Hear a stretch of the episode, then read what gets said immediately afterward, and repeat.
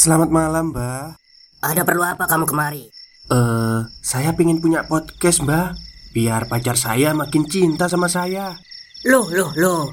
Mau bikin podcast kok tanya dukun? Sekarang kamu download aplikasi Anchor.fm. Di situ kamu bisa buat podcast gratis dan podcast kamu bisa didistribusikan ke platform mana pun. Dan di aplikasi atau website Anchor.fm juga terdapat fitur-fitur yang memudahkan kamu untuk membuat podcast. Oh, gitu ya, Mbak.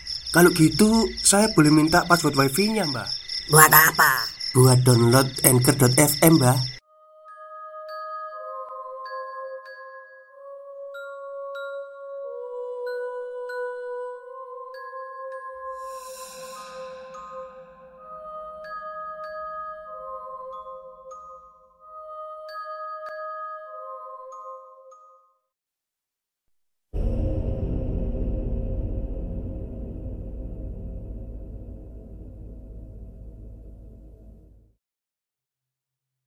Assalamualaikum warahmatullahi wabarakatuh. Halo semuanya Jumpa lagi dengan saya Chow Sing Sing Kurator dari Podcast Horror Night Story. Halo apa kabar semuanya? Semoga kalian pada sehat semua ya. Dan seperti biasanya pada malam hari ini Saya kembali dan akan membawakan sebuah kisah mistis untuk kalian semua Kisah mistis kali ini datang lagi dari Mbak Lila Yang dulu menceritakan tentang perkemahan ya. Jadi kali ini Mbak Lila akan menceritakan masa kecilnya saat mengalami sawan. Sawan itu kayak paranoid gitu ya kalau bahasa psikologisnya. Melihat-lihat sesuatu ya. Oke, seperti apa kisahnya? Mari kita simak Meski ini cerita lawas, tapi ingatan itu masih membekas. Saat itu usiaku masih tujuh tahun. Ada hajatan pernikahan adik dari ibu di rumah kakek, sehingga aku diboyong untuk menginap di desa B, kecamatan W, selama beberapa hari. Jaraknya tidak terlalu jauh dari rumah bapak, hanya perlu melewati tiga kecamatan karena masih satu daerah kabupaten. Rumah kakek tidaklah angker. Aku sering berkunjung, hanya saja belum pernah menginap. Namun, lokasinya memang agak horor. 20 meter dari pintu depan rumah kakek ada pemakaman umum. Sedangkan 5 meter sebelum kuburan terdapat rumah kosong Tahun 2002, kampung itu masih sepi. Jarak antara rumah satu dengan yang lain bisa dibilang agak berjauhan.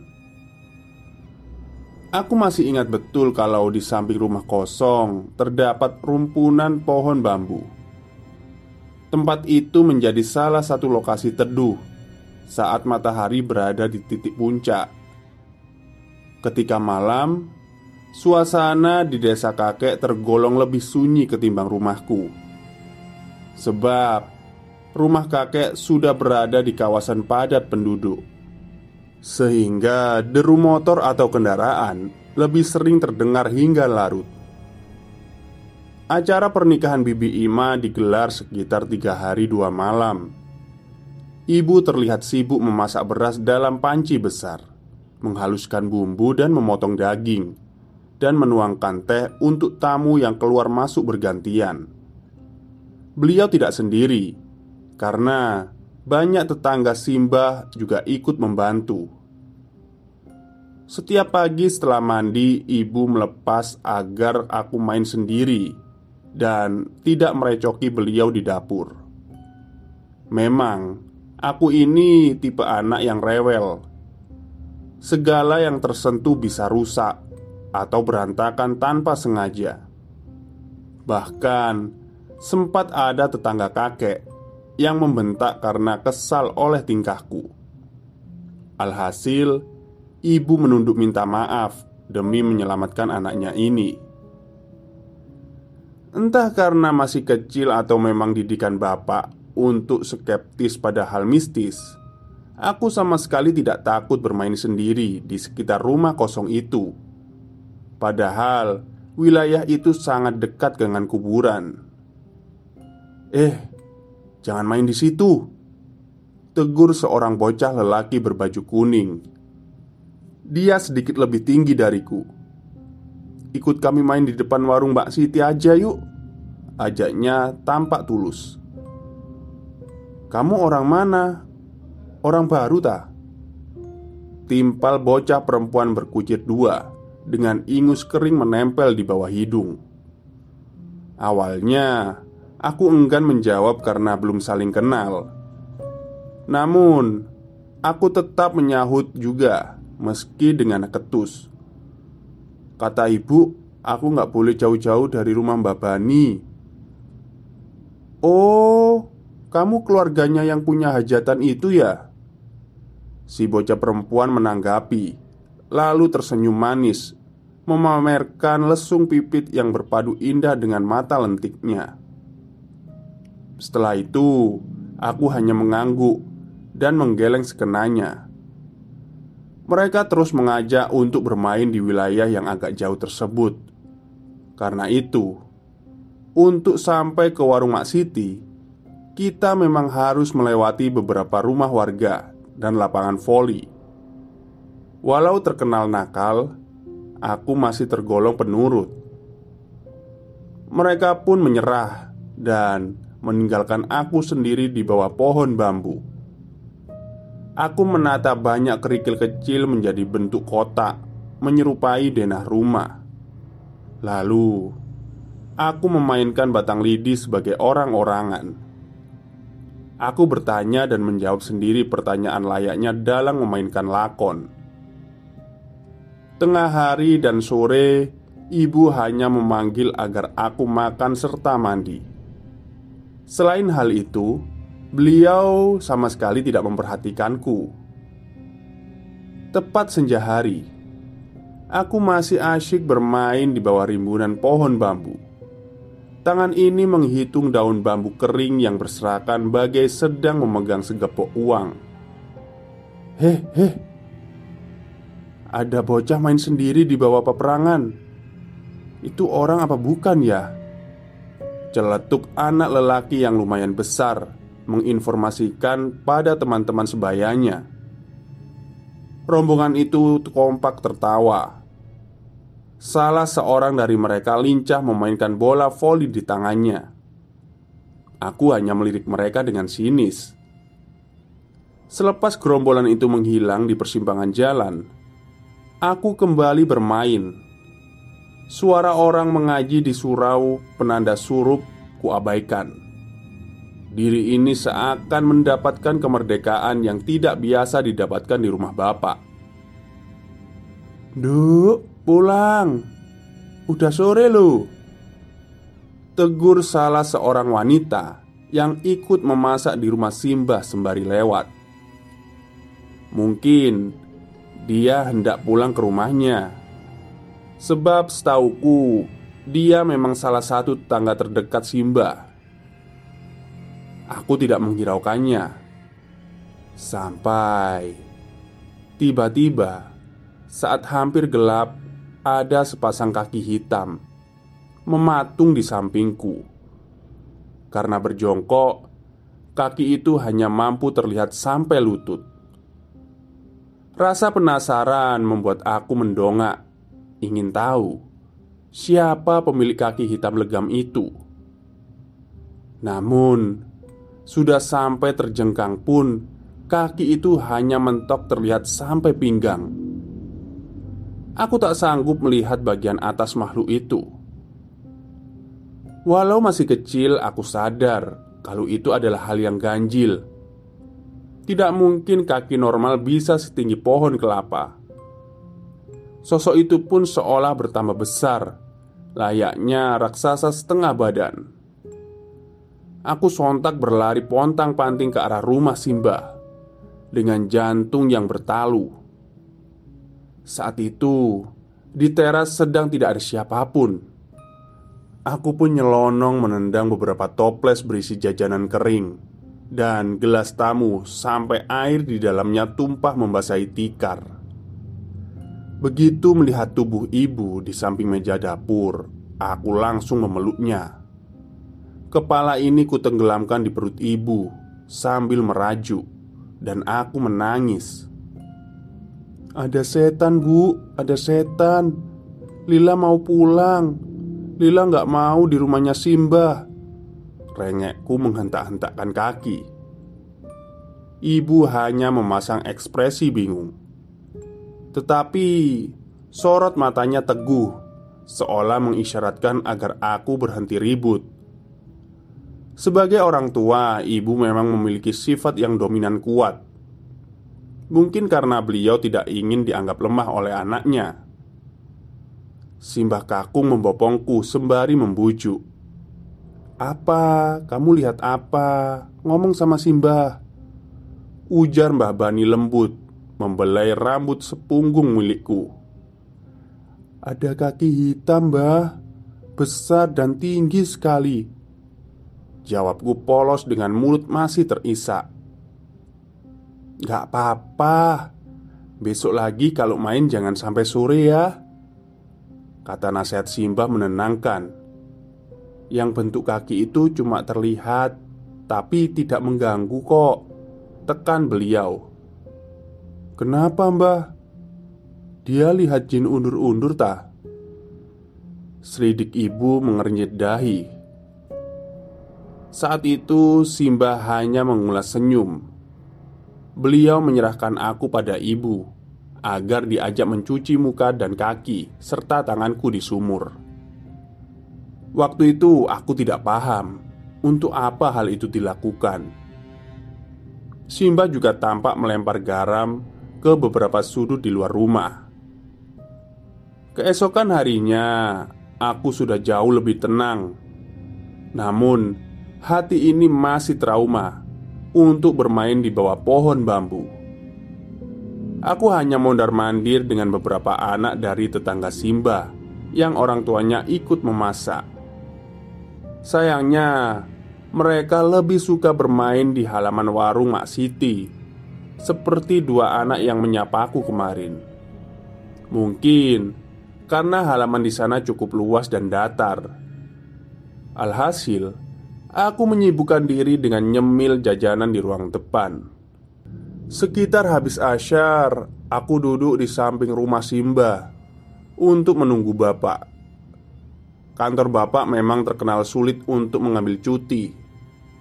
Sehingga setelah mengantar ibu dan aku Beliau pulang dan baru datang lagi ketika malam ijab kabul. Aku terkejut saat melihat bayangan hitam melesat masuk ke rumah kosong. Bayangan itu cepat Tapi cukup jelas. Bentuknya seperti anak kecil seumuranku. Karena penasaran Perlahan kaki ini tertarik untuk mendekati rumah kosong itu. Dari jendela depan rumah tersebut tampak perabotan yang telah usang dan dipenuhi sarang laba-laba. Pewarna dindingnya juga banyak yang mengelupas, dan tak ketinggalan sisi-sisi kaca jendela rumah itu buram dan ada tumpukan debu serta lumut. Entah sejarah apa yang membuat rumah itu ditinggalkan. Mata ini memicing mengintip ke dalam rumah tak berpenghuni itu. Aku sontak melotot saat melihat ada bocah gundul menyeringai dengan gigi tajam bak gergaji di samping meja kayu berdebu. Stop, stop, kita break sebentar. Jadi, gimana? Kalian pengen punya podcast seperti saya? Jangan pakai dukun, pakai anchor, download sekarang juga gratis. Telinga makhluk itu runcing seperti sayap kupu-kupu. Matanya besar dan berwarna sama dengan tubuhnya, yakni hitam legam. Oh, mungkin tuyul ya itu ya. Kakiku gemetar hebat dan terasa goyah. Wajah ini seketika meringis menahan ngeri. Leher dan lidahku kaku. Dengan jantung yang seolah hampir jatuh, aku sekonyong-konyong berhambur keluar rumah. Tak disangka kalau terkadang rasa penasaran adalah awal dari petaka. Kali ini aku ditangkap oleh Paman Anwar, adik laki-laki ibu. Dia menggendongku dengan raut heran. "Kenapa lah? Mau cari ibu ya?" Apa kamu dinakali sama teman-temanmu? Cecarnya mengelus-ngelus kepalaku Bibir ini tak sanggup menjawab karena belum berhenti terisak Paman Amar menyekap pipiku sembari menenangkan sebisanya Ia juga segera membawaku ke tempat ibu di dapur Aduh, rewel kenapa lagi sih? Dengus ibu entah ditujukan padaku atau paman Amar Gak tahu mbak Ini udah nangis dari tadi Saut paman Kenapa nduk? Siapa yang nakal? Lagi-lagi ibu membawaku ke sumur untuk mencuci muka, tangan, dan kaki Di sini banyak setannya bu Lila mau pulang Tuntutku masih agak rewel sudah, nggak apa-apa. Besok sore kita udah pulang. Ibu mengajakku ke kamar Simba untuk menceritakan semua pada beliau.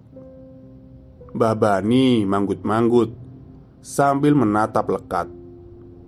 Beliau menyarankan agar aku jangan ke mana-mana dahulu, entah karena ketakutan atau apa. Malam harinya, badanku demam Bapak yang kebetulan udah datang langsung menungguiku di kamar ujung rumah Simba. Katanya, itu dulu kamar ibu sebelum menikah. Dari semua wajah terlihat kalau bapak yang paling cemas. Apa sebaiknya kita bawa Lila ke klinik dekat aja, Bu? Kasihan, biar dapat obat. Usul bapak pada ibu. Besok aja, Pak. Sekarang udah malam Lagi pula Kita belum tahu penyebab demamnya Lila ini Karena sakit betulan atau karena sawan Sanggah ibu menyodorkan segelas teh hangat pada bapak Percakapan mereka cukup panjang Tetapi Intinya kurang lebih demikian Bapak tidak berhenti membelai kepalaku Sementara Ibu kembali sibuk di dapur Beberapa kali Simbah Kakung dan Simbah Putri bergantian menjengukku. Aku lupa dulu itu sekitar jam berapa ya. Yang jelas, ibu dan bapak sudah tertidur di sampingku. Aku terbangun dan terduduk karena ingin buang air kecil. Namun, dari jendela kamar yang mengarah ke samping rumah terlihat sosok bocah ireng atau bocah berwarna hitam yang tadi nampak di rumah kosong. Meski hanya beberapa detik terlihat menyeringai, tapi sangat jelas karena lampu samping sangatlah terang. Lagi pula, jarak jendela dengan tempatku hanya berbatas tubuh bapak yang terbaring, sebab posisi Dipan memang menempel di dinding bawah jendela kaca.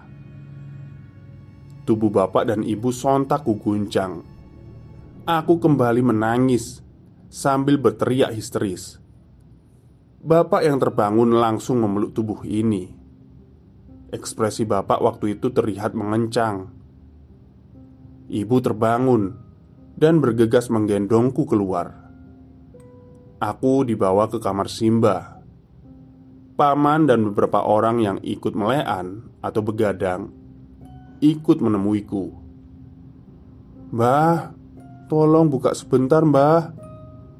Ibu terus mengetuk pintu kamar Simba. Tak berselang lama, Simbah Putih keluar. "Ada apa? Lila kenapa lagi?" Guratan wajah rentas Simbah tampak tidak tenang. Sepertinya dia diganggu sesuatu, Bu. Ungkap ibu bernada berat Menunjukkan kepanikan Ketika semua sedang ribut, mata ini malah bertumbuk pada sosok bocah ireng itu lagi. Kali ini makhluk itu sedang merayap di dinding dan menempel terbalik pada langit-langit rumah. Aku menjerit sejadi-jadinya sambil terus menunjuk-nunjuk makhluk sialan itu. Di sana, Bu, di atas. Setannya udah masuk rumah. Aku memeluk tubuh sintal ibu. Beliau mempererat gendongan dan menyembunyikan wajahku ke dadanya. "Udah, jangan dilihat," seru ibu. Awalnya aku menuruti perintah beliau, tetapi karena merasa tidak nyaman, aku kembali mengangkat kepala. Lalu, penyesalan pun terjadi. Pasalnya, ketika aku mengintip dari pundak ibu, Muka bocah ireng itu hanya berjarak sekitar 10 cm dari ujung hidungku. Makhluk itu seakan ikut menempel pada punggung ibu. Aku seketika meronta dan menggapai-gapai tubuh bapak. Suasana sangat tidak kondusif malam itu. Bibi Ima yang seharusnya beristirahat pun tak bisa tidur karena tangisanku. Aku terus rewel karena makhluk hitam botak itu Sebentar muncul dan sebentar menghilang Kadang sosok itu terlihat dekat lalu menjauh Berlari-lari melompat atau jongkok di samping lemari Tepat pada subuh hari Bapak dan ibu membawaku ke seorang pintar Tempatnya nggak terlalu jauh dari kediaman Mbah Aku diobati dengan diminumi air yang sudah terisi doa. Bagian tengah kepalaku juga ditekan, dan sesuatu seperti terjabut dari ubun-ubunku. Sejak saat itu, aku memang sudah tidak pernah melihat sosok hitam itu lagi. Meski begitu, selama setahun aku masih sering mendapatkan bahan mimpi buruk. Mungkin karena trauma, jadi psikologisku sedikit terganggu. Setiap habis mimpi buruk juga badan ini biasanya akan sakit dan panas.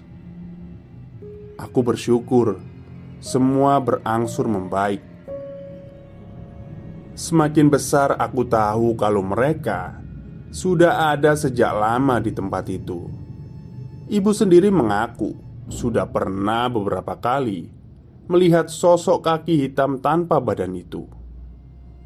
Namun, pada tahun 2015, rumah kosong itu dirobohkan setelah sebelumnya diadakan acara selamatan.